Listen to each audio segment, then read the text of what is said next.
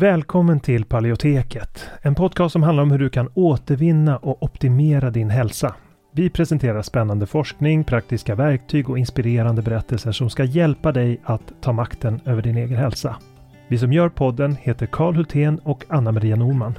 En bristande maghälsa kan ge symptom i helt andra delar av kroppen.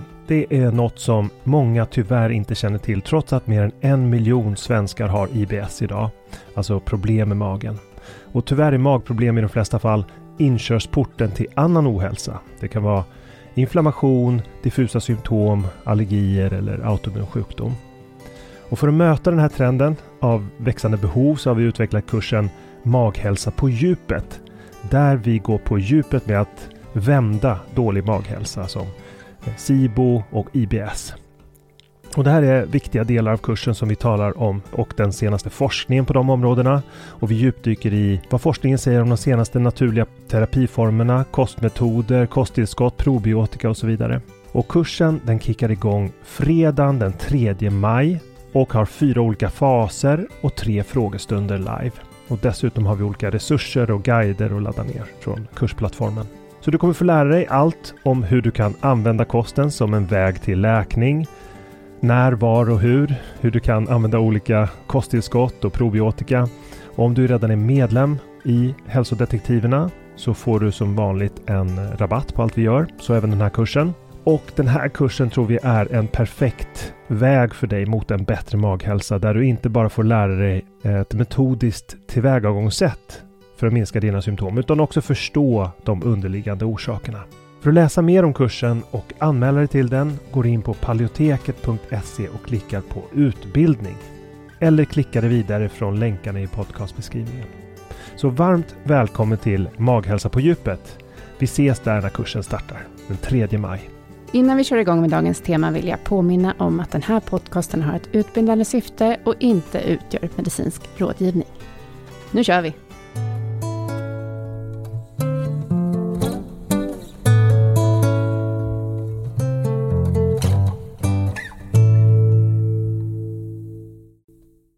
Det har kommit en ny studie som visar att autoimmun kost kan ändra genuttrycket av mer än 300 gener i tarmväggen vid ulcerös kolit och aktivera läkning, reparation och ge minskad inflammation.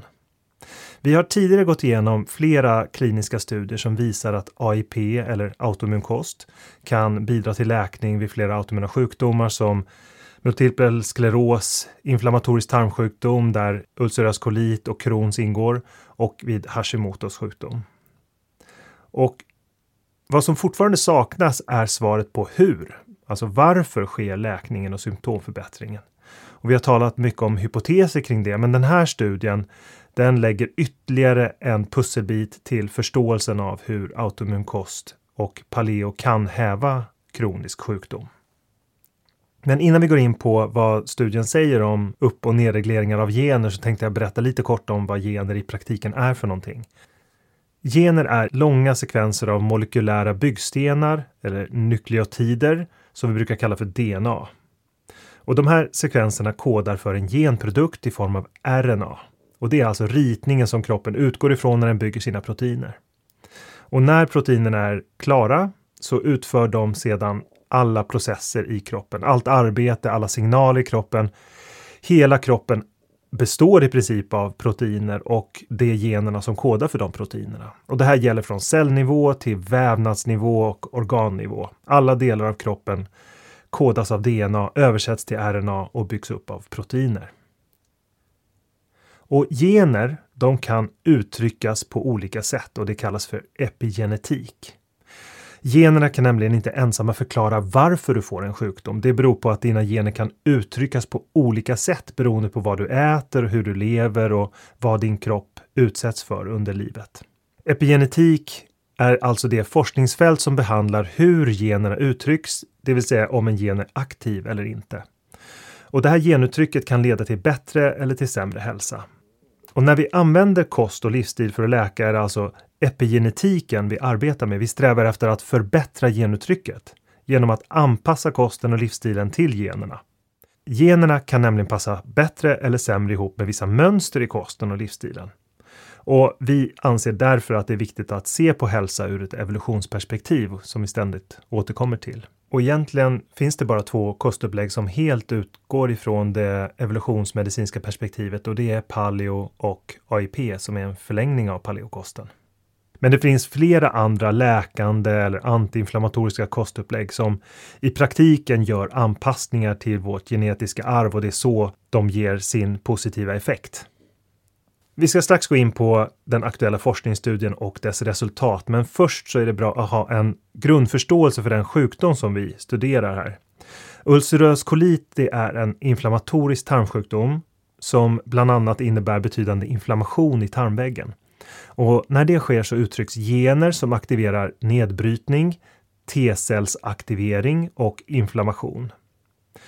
Och sjukdomen är mångfaktoriell, vilket betyder att dysbios, alltså obalanser i tarmfloran, genetisk känslighet och miljömässiga triggerfaktorer alla bidrar för att utlösa sjukdomen.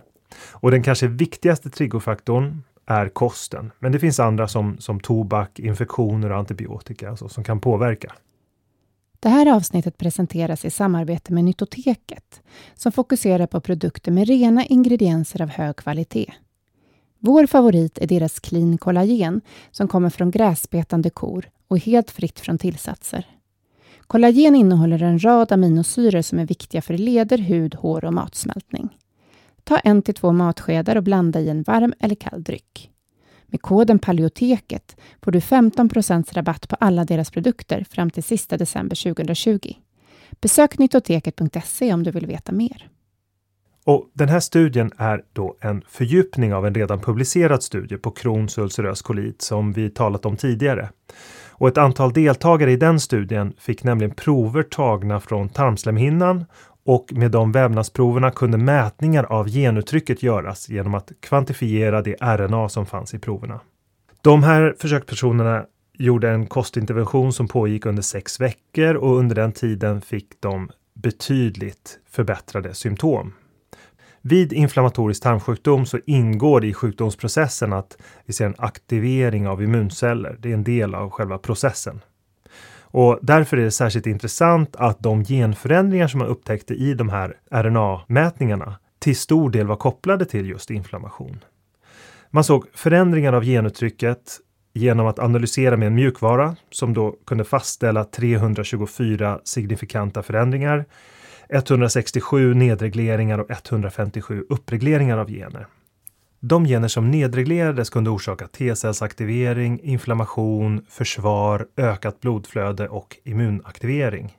Och de gener som uppreglerades var involverade i aktivering av reglerande T-celler, läkning, proteinsyntes, DNA-reparation och syntes av fettsyror. Så tarmväggens celler svarade alltså på kostförändringen med att T-cellsaktiveringen minskade och att T-celler nedregleras betyder att vi ser en mindre aktivering av immunförsvaret och att reglerande T-celler aktiveras betyder att immunförsvarets tolerans och kontroll ökar. De här förändringarna i genuttryck stämmer också väl överens med vad vi har sett i minskade symptom som alltså tyder på minskad inflammation. Det var inte någon överraskning direkt. Studien visar också hur epigenetik fungerar i praktiken och ger oss ytterligare belägg för att hävda att gener inte kan förutspå sjukdom. Det här är den första studien vad jag känner till som studerat genuttryck som ett resultat av en kostförändring till paleo eller autoimmun kost. Och det ska bli väldigt intressant att se i framtiden om liknande förändringar i genuttrycket kan hittas i andra organsystem, i nervsystemet och kring alla de andra symptomområden som vi redan vet kan påverkas av den autoimmuna kosten. Det här poddavsnittet finns också i textform som du kan läsa på paleoteket.se. Och där finns det också både referenser och lite ytterligare information om precis vilka gener vi talar om om du vill fördjupa dig i just den här studien. Tack för den här gången.